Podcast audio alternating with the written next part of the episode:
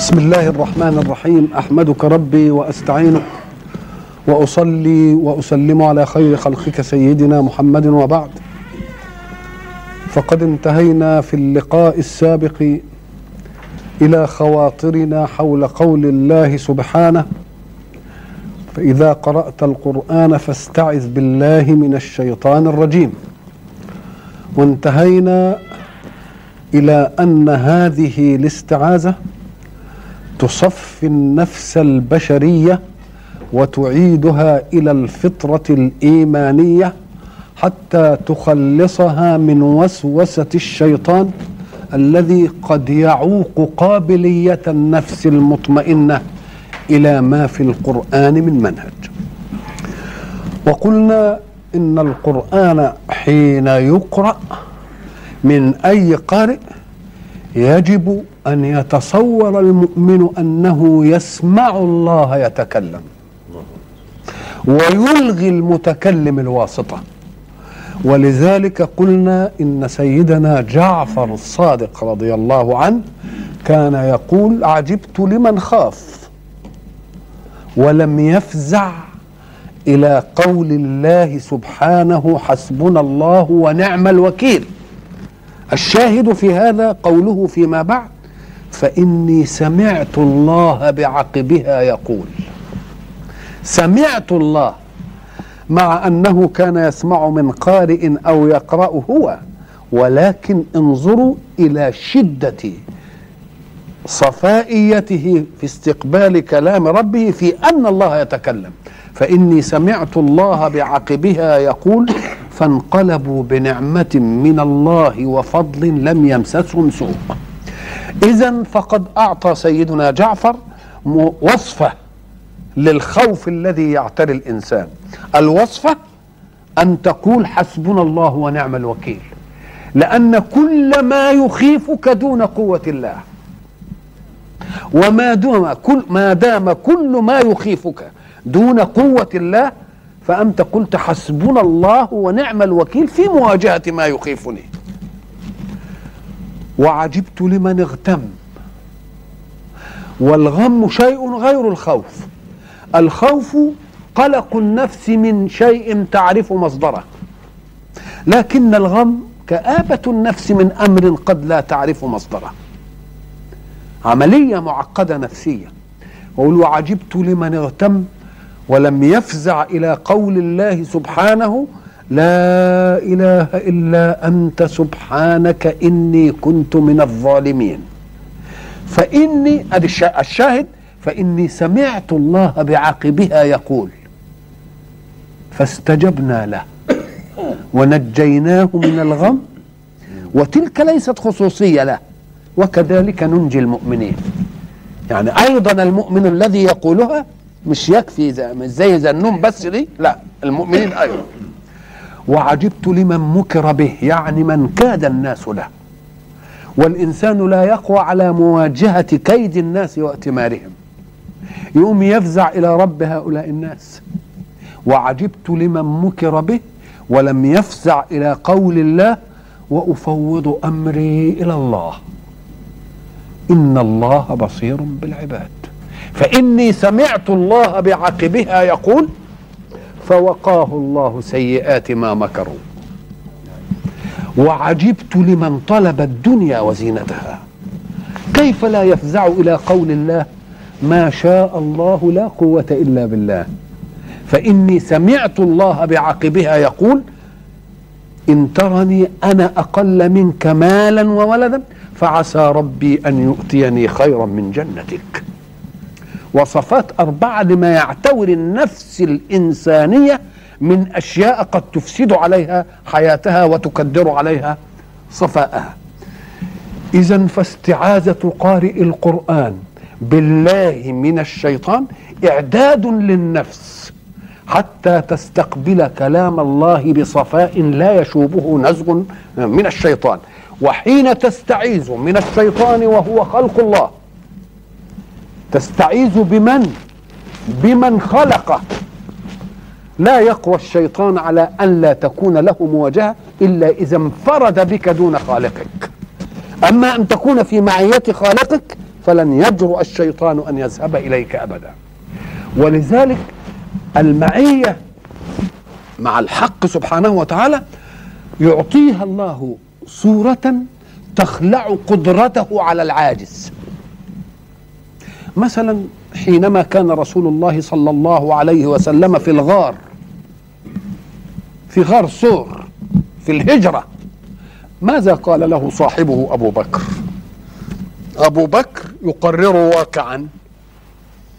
قال له لو نظر أحدهم تحت قدميه لرآنا. فجوة الغار باينة من تحت. المواجهة كده مسدودة.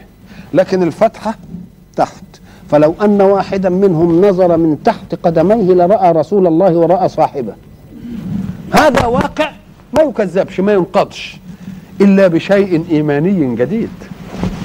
يقول رسول الله صلى الله عليه وسلم لصاحبه ما ظنك باثنين الله ثالثهما؟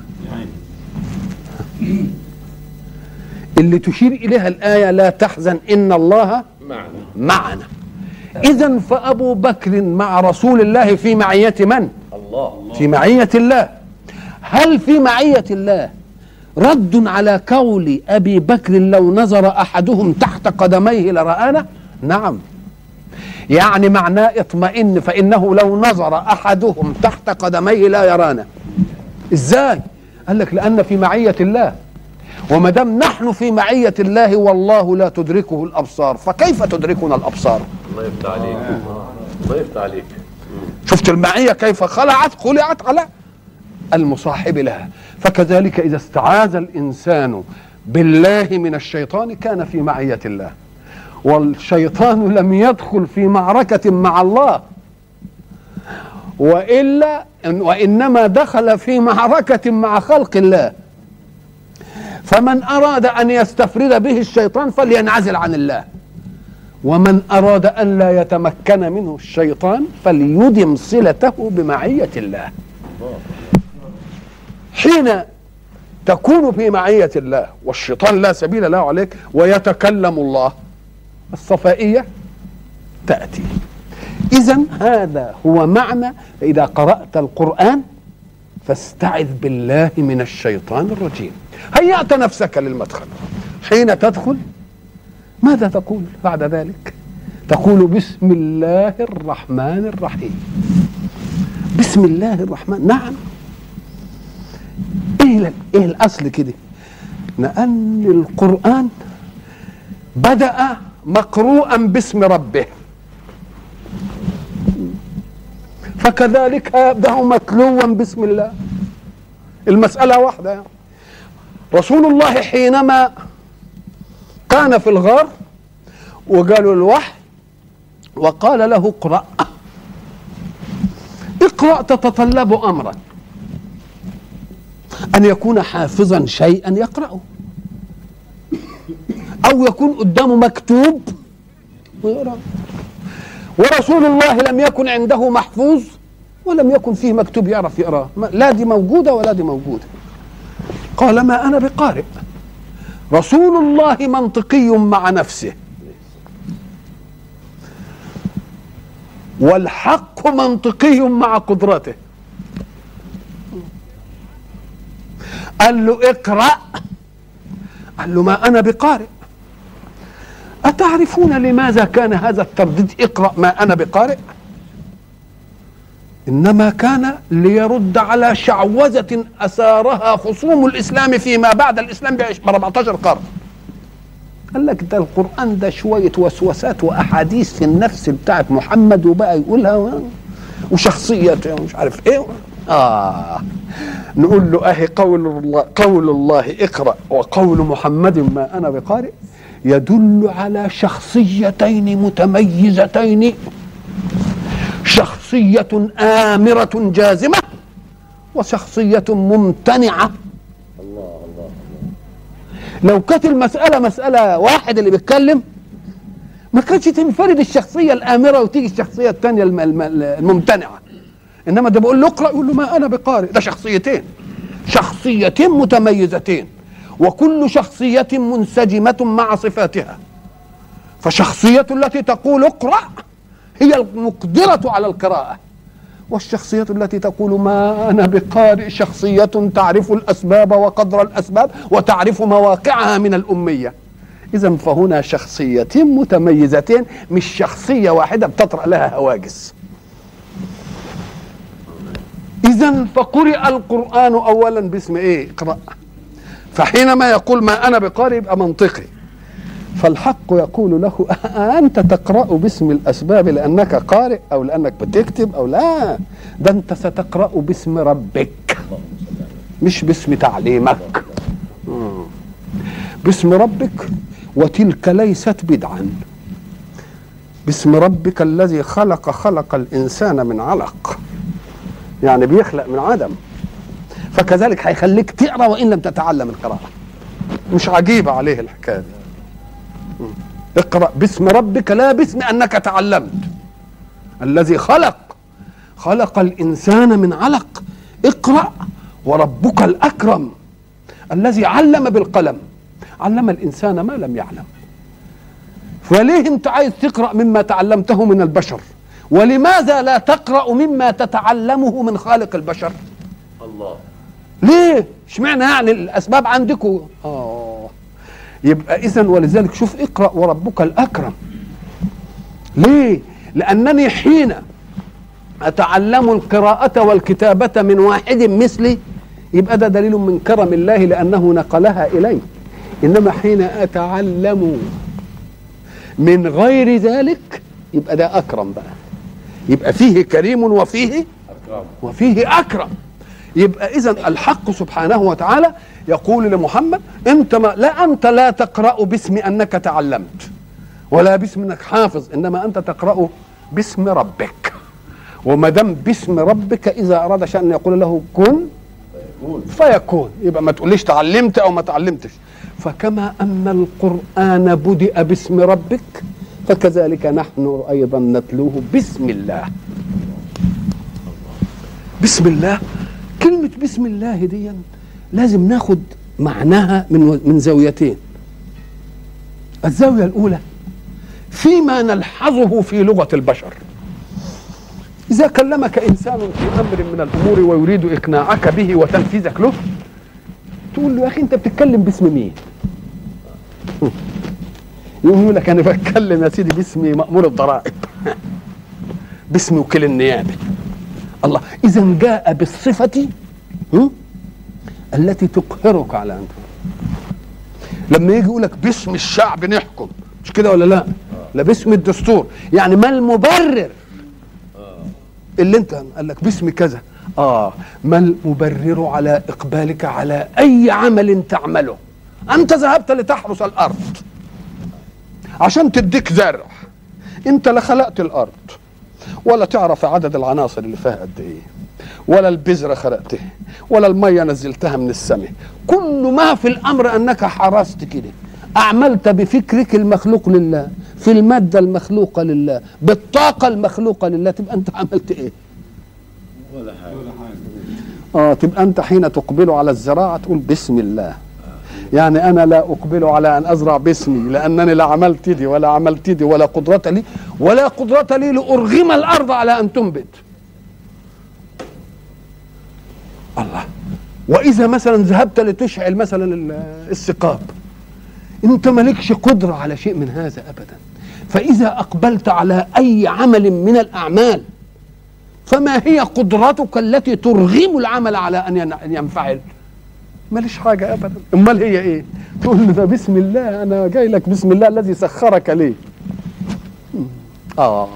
يبقى هذا حين تقبل على أي عمل تقول بسم الله. أنا أقبل عليك بسم الله الذي سخرك لي وأمرك أن لا تخرج عن طاعته أمرك أن لا تخرج عن طاعتي لأنك مسخر لي. أما لو أن قدرتي وقدرتك ولا قدرة لي عليك ولا تدخل في طاقتي ولا في استطاعتي. أنا الشمس دخلت في استطاعتني عشان نقول لها أطلعي. الله القمر دخل في استطاعتنا الهواء دخل في استطاعتنا عشان نقول له هب. الغمام دخل في استطاعتنا إنما بسم الله يعني حصل منه كل ذلك. بسم الله الذي سخر هذا الشيء. اذا فحين تقبل على أي عمل من الأعمال انظر إلى المنفعل لك في هذا العمل. تجد لا قدرة لك عليه. وما دام لا قدرة لك عليه من رايح تتعامل معاه إزاي؟ قال له أنا أتعامل باسم من سخره لي. باسم من سخره لي. أدي واحدة. الشيء الآخر انك قد تعمل العمل. وليس في بالك إلا الأمر المادي اللي ينتج من العمل. زي الكافر. زي الكافر إما ياكل إما يشرب إما يحرط إما يت... أعمل اعمل أي حاجة. قال لك أهو المؤمن هنا فايدته بقى.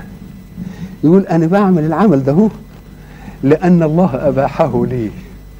أو أمرني به. فيبقى في ساعة العمل الائتمار من ناحية المنفعل لأنه سخره. وأنا ما أقبلتش على العمل ده إلا وفي بال الله. يوم لما يبقى في بال الله هستفيد من عطاء هذا وأستفيد عليه ثوابا آخر. ثواب آخر في غير زمنه. هيجي لي في زمن تاني. ولذلك ربنا لما يجي يقول الحمد لله الذي له ما في السماوات وما في الأرض وله الحمد في الآخرة.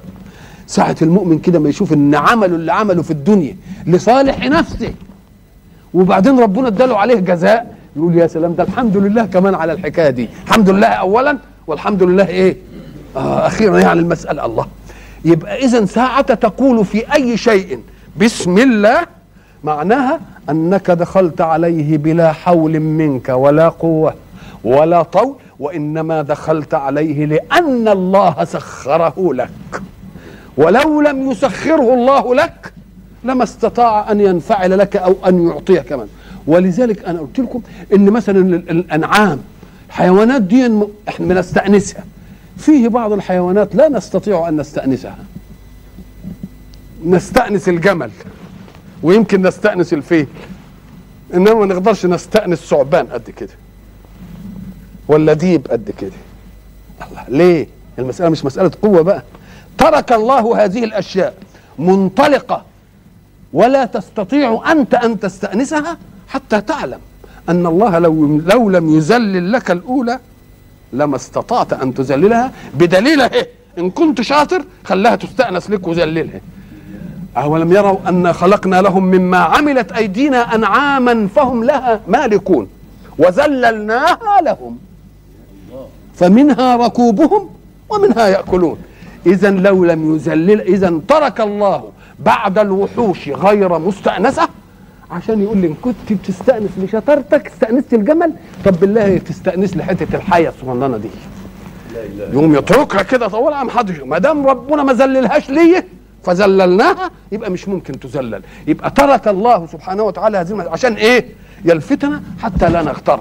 فإذا أقبلت على العمل وقلت بسم الله فكأنك دخلت على العمل باسم من سخر لك المنفعل لك. لا بقوتك. اذا فهو لا يتأبى لأنه حتى منفعل للكافر طب إيه الفرق بين اللي ما قالش بسم الله وهو كافر واللي قال بسم الله؟ اللي قال بسم الله وهو مؤمن ده انفعل له وده انفعل له. أن أخذ التام وأخذ أنه مساب على عملية استحضار الله في الفعل وكأنه لم يفعل أي فعل إلا وفي باله. الله. الله سبحانه وتعالى. ادي الفرق بين الاثنين فرق بين الاثنين إن دي منفعلة له ودي منفعلة. وبعد ذلك يطلق الحق سبحانه وتعالى أشياء في الكون عشان ما تفهمش إن هو ذلل لك الأشياء وهي خاضعة لك ثم انفلتت الأشياء منه ما يقدرش يقبضها عنك. لا يقدر يقبضها. أدي الفرق بين الحق سبحانه وتعالى وبين الخلق. الحق يطلق القانون ويقيده. وأنت تطلق القانون ولكنك لا تستطيع أن تقيده. ولذلك الحق سبحانه وتعالى عمل نواميس في الكون. النواميس في الكون دي يروح خارقها في بعض الإيه؟ الأحايين. خارقها في بعض الأحايين ليه؟ عشان يلفتوا إليه. ليلفت الناس إليه. تقوم لما يلفت الناس إليه لما نيجي نقول مثلا المسائل ومش ده بتنزل المطره وبينزل الغي- الغيم وبيجي والسحاب ومش عارف إيه وبتاع والأرض دي ممطرة دائما. يقوم يجي في حتة ممطرة دائما كده ويروح عامل فيها شوية جفاف يموت مواشيه.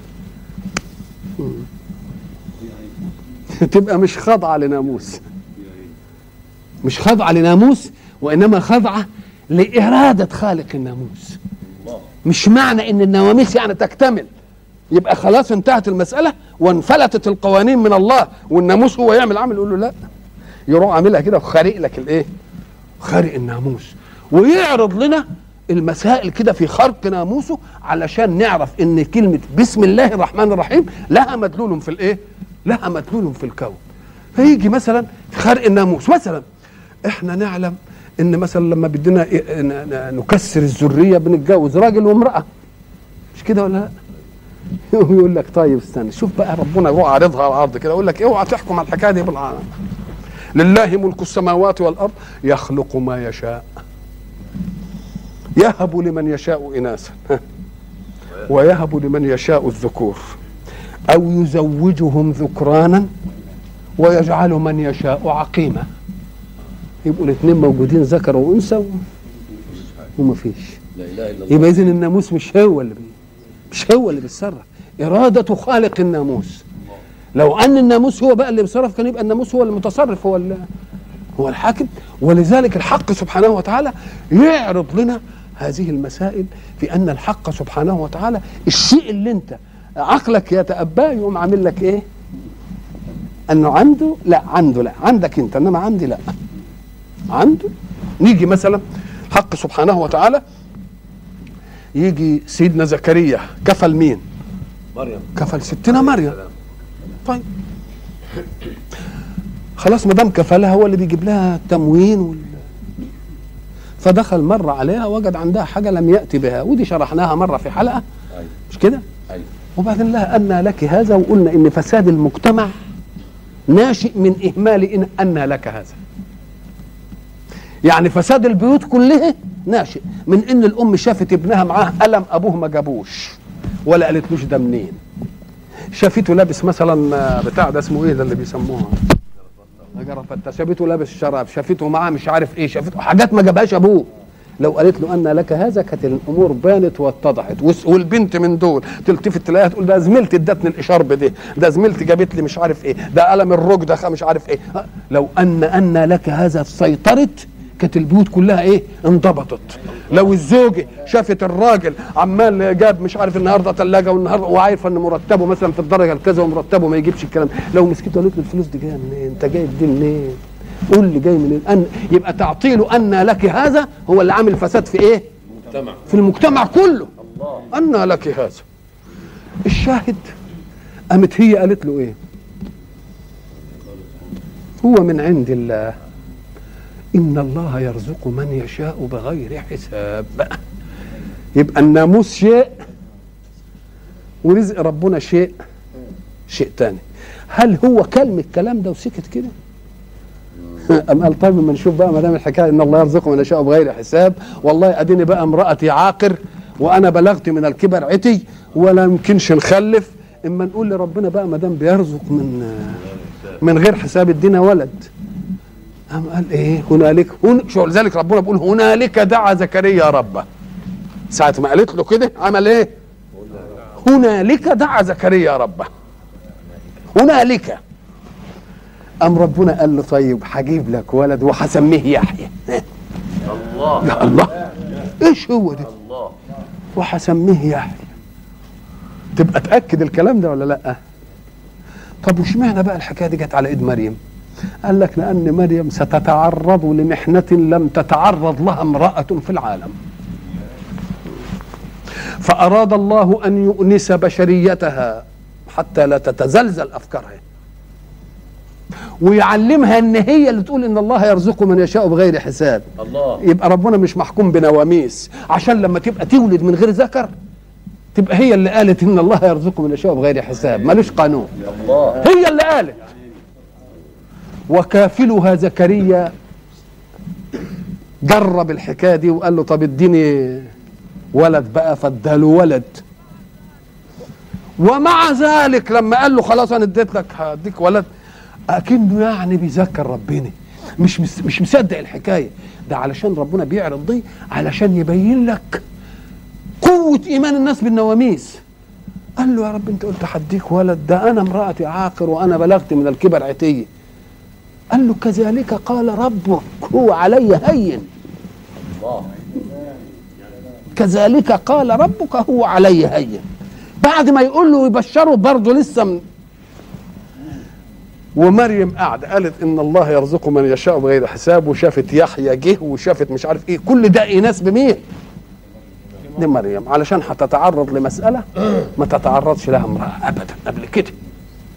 وبعد ذلك لما تيجي علشان تبشر بإن هيجي لها غلام الله تقول إيه أن يكون ولم يمسسني بشر. برضه رجعت. كذلك قال ربك هو إيه؟ هي هي بتاعت زمان ولا لأ؟ يبقى كأن الحالة اللي دي حصلت عشان إيه؟ إيناس ولذلك لما تمثل لها بشرا سويا. بالك لو ما كانش تمثل لها بشرا سويا وقال أنا جئت لأهب لك غلاما زكيا يمكن قالت يمكن كانت قالت ده وأنا نايمة يمكن حد جه في ريحي ولا حاجة. إنما ربنا عم حب يعمل لها إيه؟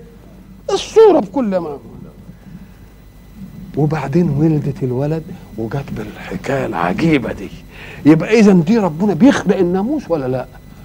هو خارق إنما خلق الناموس. ولذلك يجب أن تفطنوا إلى أن الله سبحانه وتعالى حينما كرر الاصطفاء في مريم كرره لحكم. يا مريم إن الله اصطفاك. ما قالش ما اصطفاش إلا أنت. هي داخلة في الاصطفاء. ما يمنعش إن غيرها يبقى مصطفى أيضا. مش كده ولا لأ؟ لو قال أنا ما اصطفيتش إلا أنت كان يبقى كلام. مش كده؟ وما جابش على. لكن جه إن الله اصطفاك وطهرك. وبعدين قال واصطفاك إنما في الثاني قال على نساء العالمين. يبقى الاصطفاء الأول اصطفاء قيمي. الاصطفاء الثاني أي أنك ستلدين بلا إيه؟ ذكر. ودي شاذة في نساء العالمين. يبقى اصطفاء على نساء العالمين لأن قوانينهم أن يلدن برجل. أن يلدن إنما أنت هتصطفي على نساء العالمين يبقى لك قانون لوحدك. الله. قانون. ولذلك جاء التشخص في القصة لأن أنت لما تلاقي قصة ما فيهاش تشخص قول أن إن الله يريد أن لا تتشخص. يعني إيه يريد أن لا تتشخص؟ يعني يريد أن تظل بلا تشخصات علشان من الممكن أن تحدث. يعني لما جم في, في أهل الكهف مثلا قال إنهم فتية آمنوا بربهم. ما قاليش هم كام. مش كده؟ ولذلك عاب على الناس اللي هيقولوا رجما بالغيب وده يقول كذا وقال للنبي لا تستفتي فيهم من منهم إيه؟ لأن أصل عددهم ملوش قيمة في مغزى القصة. واسمهم إيه ملوش قيمة في مغزى القصة. وفي أي بلد ملوش قيمة في مغزى القصة. وفي أي عصر ملوش قيمة في مغزى القصة. ليه؟ لأن التشخص لو وجد بالأسماء لقال قائل هذه خصوصية لهذه الأسماء فلا تتكرر في الدنيا. إنما لما يتركها بلا تشخص لا في الأسماء لا في العدد ولا في أسماء هذا الإيه؟ العدد ولا في زمان هؤلاء الفتية ولا في مكان هؤلاء الفتية. يبقى معناها إيه؟ يريدها الله مثلا شرودا في الكون. تتأتى من أي فتية بأي أسماء في أي زمان في أي مكان. ولو شخصها بواحدة لامتنعت الفائدة وقيل هذا لا يصلح إلا في الزمن اللي حدثت فيه. هذا لا يصلح إلا في المكان اللي حدثت فيه. هذا لا يصلح إلا بهذه الإيه؟ الأسماء أو بالأعداد. اذا فالإبهام مربب لفائدة القصة يعني مزود لفائدة القصة. لكن حين يريد الله التشخص يبقى معناها أنها لا تتكرر. آه. ما تتكررش دي. ولذلك لما حب يقول وضرب الله مثلا للذين إيه؟ كفروا امرأة نوح وامرأة لوط. ما قاليش مين هي. قال لك امرأة نبي ومع ذلك استق... في استقلت في عقيدتها وما استطاع نبي أن يهديها. ولكن لم وبرضه في امرأة فرعون. ما قاليش مين هي. قال لك بس فرعون اللي ادعى الألوهية وما قدرش يخلي مراته تؤمن بيه. إذا المرأة لها عقيدة مستقلة. لكن لما جه عند مريم قال ومريم ابنة عمران. الله. شخصها. وقال اسم أبوها كمان. لأنها لا تتكرر القصة إلا في بس بها لوحدها. يبقى التشخص ينفي التكرر. فلما يجي لك تشخص يجي يقول لك مثلا اللي هو ده الراجل عن ذي القرنين هو مين؟ قول له أنت عايز تفسد على القرآن مراده. الله. لأن لو كان القرآن يقول هو مين نقول التشخص ده هو يمنع التكرر. إنما هو ربنا بده يقول رجل ممكن في الأرض آتاه الله ملكا وآتاه الله تمكينا وكيف ساس أموره وجاب الناس الكويسين أحسن إليهم والمسيئين إيه؟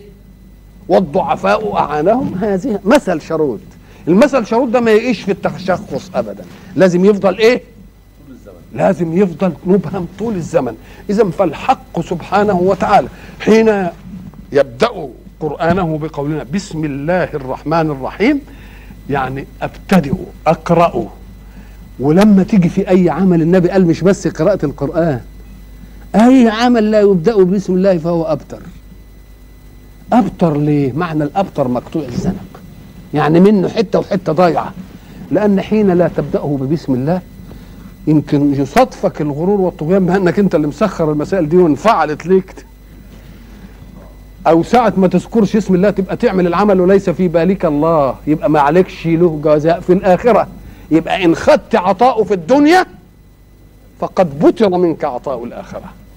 إنما عايز عطاء الآخرة قول بسم الله عشان يبقى كل عمل تقبله عليه في نيتك الله. كل وقل بسم الله. أنه أباح لي أن تزوج وقل بسم الله. انكح وقل بسم الله. كل حاجة قول بسم الله. ما دام تدخل عليها وفي بالك الله استحيت أن تقول بسم الله في عمل يغضب الله. الله ممكنش تيجي دي؟ تبقى إزاي دي تيجي؟ فإذا ما تعودتها حين تفعل أي فعل وتقوله. بسم الله. تقوم ساعة ما تيجي في أي عمل كده ساعة ما تشرب الخمر تقوم الله. طب حاول يعني إيه بسم الله؟ مش هتنفع الحاجة ما تجيش. حسرق بسم الله. هرتشي بسم الله. فإذا تعودت أن تقبل على أي عمل بقولك بسم الله استحيت أن تبدأ أي عمل. لأنك لا تبدأ بسم الله إلا فيما أجازه الله أو أباحه إيه؟ أو أباحه الله. وانظروا إلى الرحمة من الحق. بسم الله الرحمن الرحيم. بسم الله قال لك الله دي عشان معبود. معنى معبود يعني له أوامر.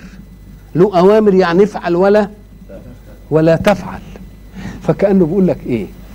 إنك لما تعمل أي عمل وفي بالك ربنا هيديك العطاء هنا وبعدين يديك في عطاء تانية في الايه؟ في الآخرة. ده كلام على الأول. هو ده اللي يبقى إيه مقصود. وبعدين إياك أن تستحي إن كنت عاصيا لله أن تستفتح أعمالك بسم الله. لأن الله مش حقود. الله ما بيتغيرش على خلقه. مش لما تعصاه يقول لا أنا نفضت إيدي من الواد ده ابدا. فأقبل عليه بسم الله وإن كنت قد عصيت الله في شيء. لأنه رحمن ولأنه رحيم. اذا فالرحمن والرحيم حيثية إقبال العاصي على أي عمل بسم الله. مش لما عصي بقى يقول لك أنا اعصى ربنا استحي ان أنا أقول له لا أصل الرحمن رحيم. ربنا ما بينفعلش. ربنا ما بيتغيرش على خلقه. ربنا مش حقود ربنا حينما شرع عقوبة أي معصية معناها إذن بأنها تقع. إذن بأنها تقع. فإذا كنت عصيت ربنا ما تجيش تقول بقى أنا هقول بسم الله وأنا عامل المعصية الفلانية امبارح قول له أصله رحمن رحيم. وأصله رحيم والمهم أن هذا الاشتقاق في رحمن وفي رحيم جايبها من حاجة من الرحم. ما هي جاية من الرحمة. والرحمة من الإيه؟ من الرحم. الرحم اللي هو مكان الجنين من بطن المرأة. شوف الحنو بتاعه إيه؟ الله شوف الحنايا بتاعته إيه؟ فراح جايبها في البداية اللي مغميها علينا إحنا. ولذلك في الحديث القدسي أنا الرحمن. وهذه الإيه؟ الرحم.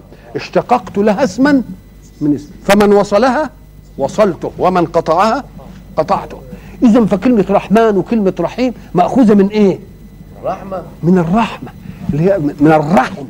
الرحم اللي هو اللين اللي فيه الوسائد اللي فيه اللي مش عارف إيه علشان الإيه؟ عشان الجنين. حنايا الحلوة دي. يبقى اذا ربنا له حنايا علينا بيعطف علينا. يقول لك وإن كنت عاصي برضه ما تستحيش أن تهتف باسمي. حين تبدأ في أي عمل لتنال لتمنع عن نفسك الغرور بأنك قدرت عليه بذاتك. بل أنت قدرت عليه بالتسخير مني. وألا تحرم نفسك الثواب عليه في الآخرة. فيكون عملك عمل غير إيه غير أبتر. فحين يقول المؤمن بسم الله الرحمن الرحيم. واكتناف رحمن ورحيم إياكم أن تظنوا أنه إذا وجدت لأن صفة الرحمة لما نقول فلان آه عنده رحمة يعني راحم. راحم. فإذا قيل رحمن تبقى إيه؟ مبالغة.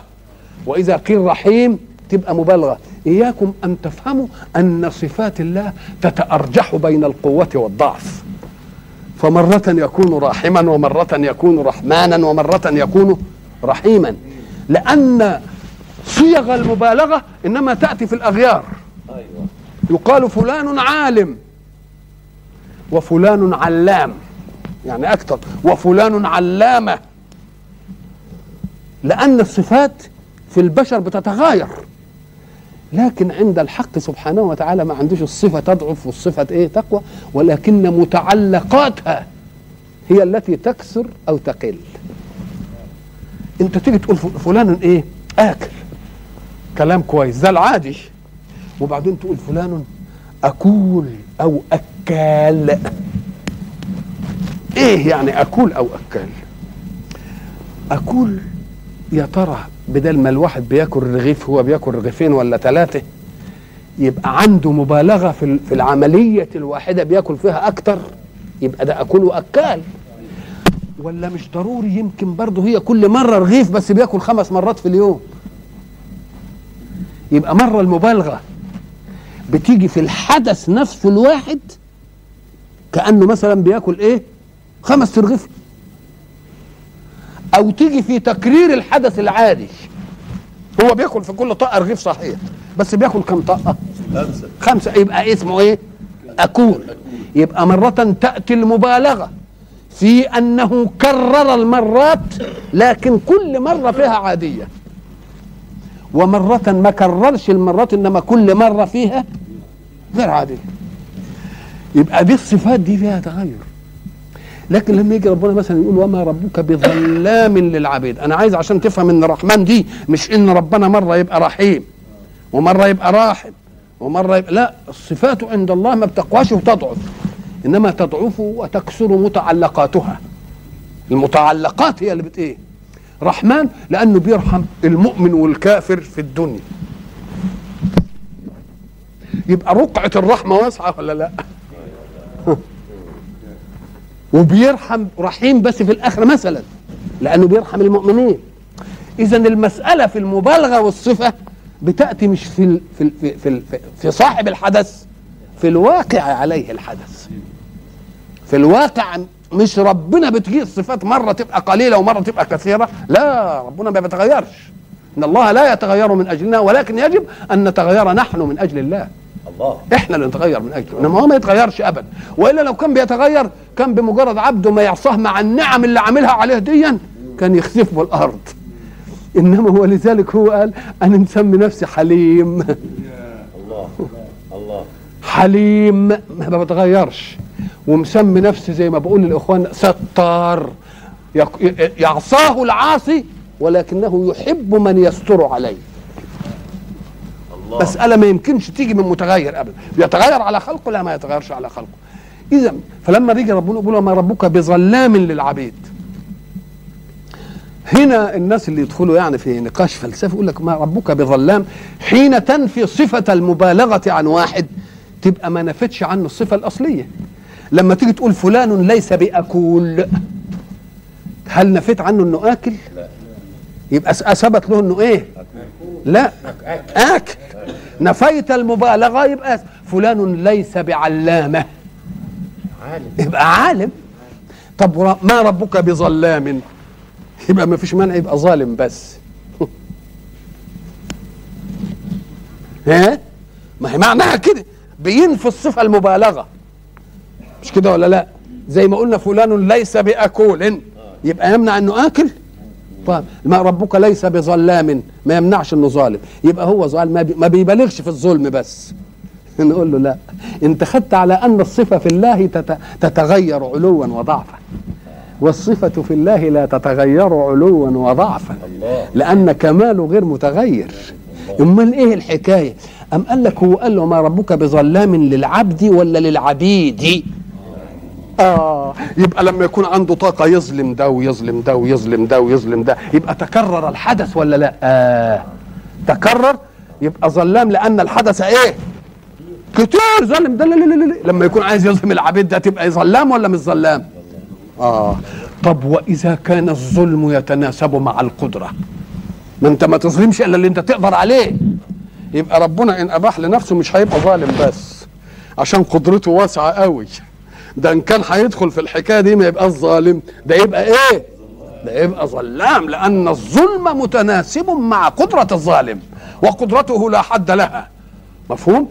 يبقى اذا الصفات في الحق سبحانه وتعالى لا ت- يقول إنها تضعف وتقل. الكمال في الله واحد. إلا أن متعلقات هذا ال- الكمال هي اللي بتختلف. قد تختلف لأنها إذا تناسبت مع قدرته يبقى يبقى ظلام قوي. وإن تناسبت مع العدد يبقى ظلم هذا وظلم. لما يجي ولد تلميذ الفصل عدد 40 وتلميذ صغير وضرب كل الفصل.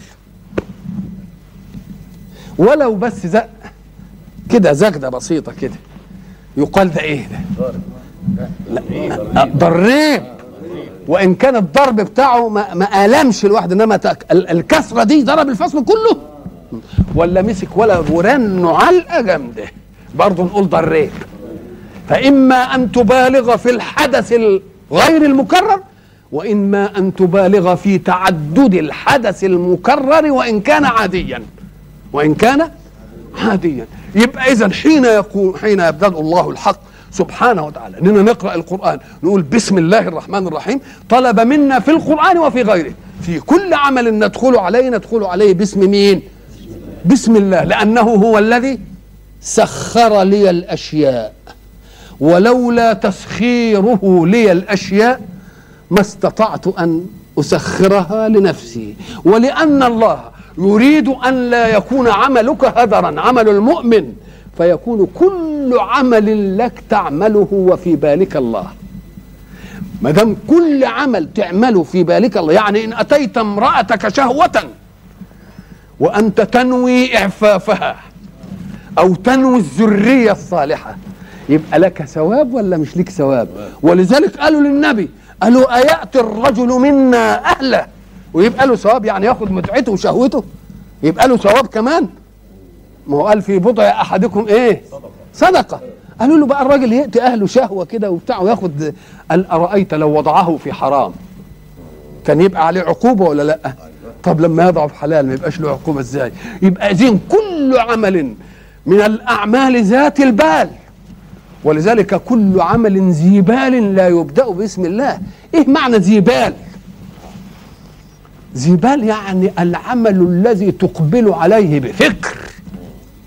ما هو البال الفكر. تقبل عليه بفكر يبقى لازم إيه؟ تبدأه. إنما الأعمال اللي تيجي كده آه من غير فكر يعني تهجم عليك بعض الخواطر. يوم لم يكلفك الله عنة بأن تقول فيها بسم الله فهي مغفورة لك.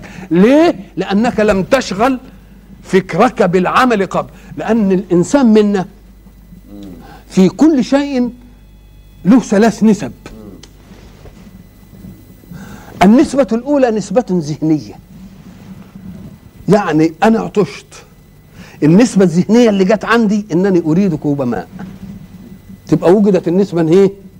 الذهنية أقوم أتكلم وأقول أعطني كوب ماء دي نسبة إيه؟ كلامية لما يجيني كوب الماء يبقى دي اسمها نسبة إيه خارجية يبقى كم نسبة عند الإنسان؟ ثلاث نسب نسبة ذهنية نسبة إيه؟ كلامية نسبة خارجية النسبة الخارجية دي نشأت عن النسبتين؟ ولا النسبة الخارجية ملهاش علاقة بالنسبتين؟ آه إن كان أمر يبقى نشأت عن النسبتين. أيوه. طب وإن قلت زيد مجتهد. زيد مجتهد قبل ما اقولها جت في بالي ولا لأ؟ وبعدين قلتها. قولت دي ليه؟ سبب في اجتهاد زيد ولا زيد مجتهد قلت أو لم أقل؟ آه. يبقى النسبة الكلامية والذهنية ما هيش سبب في النسبة الخارجية في الخبر إنما هي سبب في الإنشاء. سبب؟ فكل أمر يحدث منك بنسبة خارجية أو نسبة كلامية ولم يخطر نسبة ذهنية يبقى أمر زي غير ذي بال. غيره ذي بال افرض مثلا إن أنا قاعد كده واللمبة دي كده قلت إيه؟ إيه انفعلت يا ستار. ما- قلتش بسم الله أبتعد عن مكان الخطر. لأن دي ما جالتش في النسبة الذهنية. يبقى إذا كل أمر ذي بال يعني يمر بنسبة ذهنية أولا ما دام يمر بنسبة ذهنية أولا يبقى ده ذي بال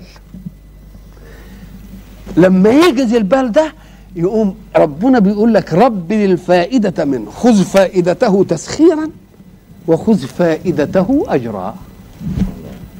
فإذا ما أخذت فإذا ما قلت بسم الله وأقبلت ما هو الكافر لما هيقبل على الأرض ويحرسها هتديله ولا ما تديلوش؟ هو ماشي بسم الله إنما ما خدش الإيه؟ ما خدش الأجر. لكن المؤمن خد الإيه؟ ولذلك قال فهو أبتر يعني ناقص. إذا فالحق سبحانه وتعالى يعلمنا كيف ندخل على تلاوة القرآن بسم الله الرحمن الرحيم ويعلمنا الرسول أن ندخل على أي عمل بسم الله حتى لا يكون عملنا أبترا أسأل الله أن يوفقنا في كل ما نأتي وفي كل ما ندع وإلى لقاء آخر إن شاء الله تعالى. إن شاء الله.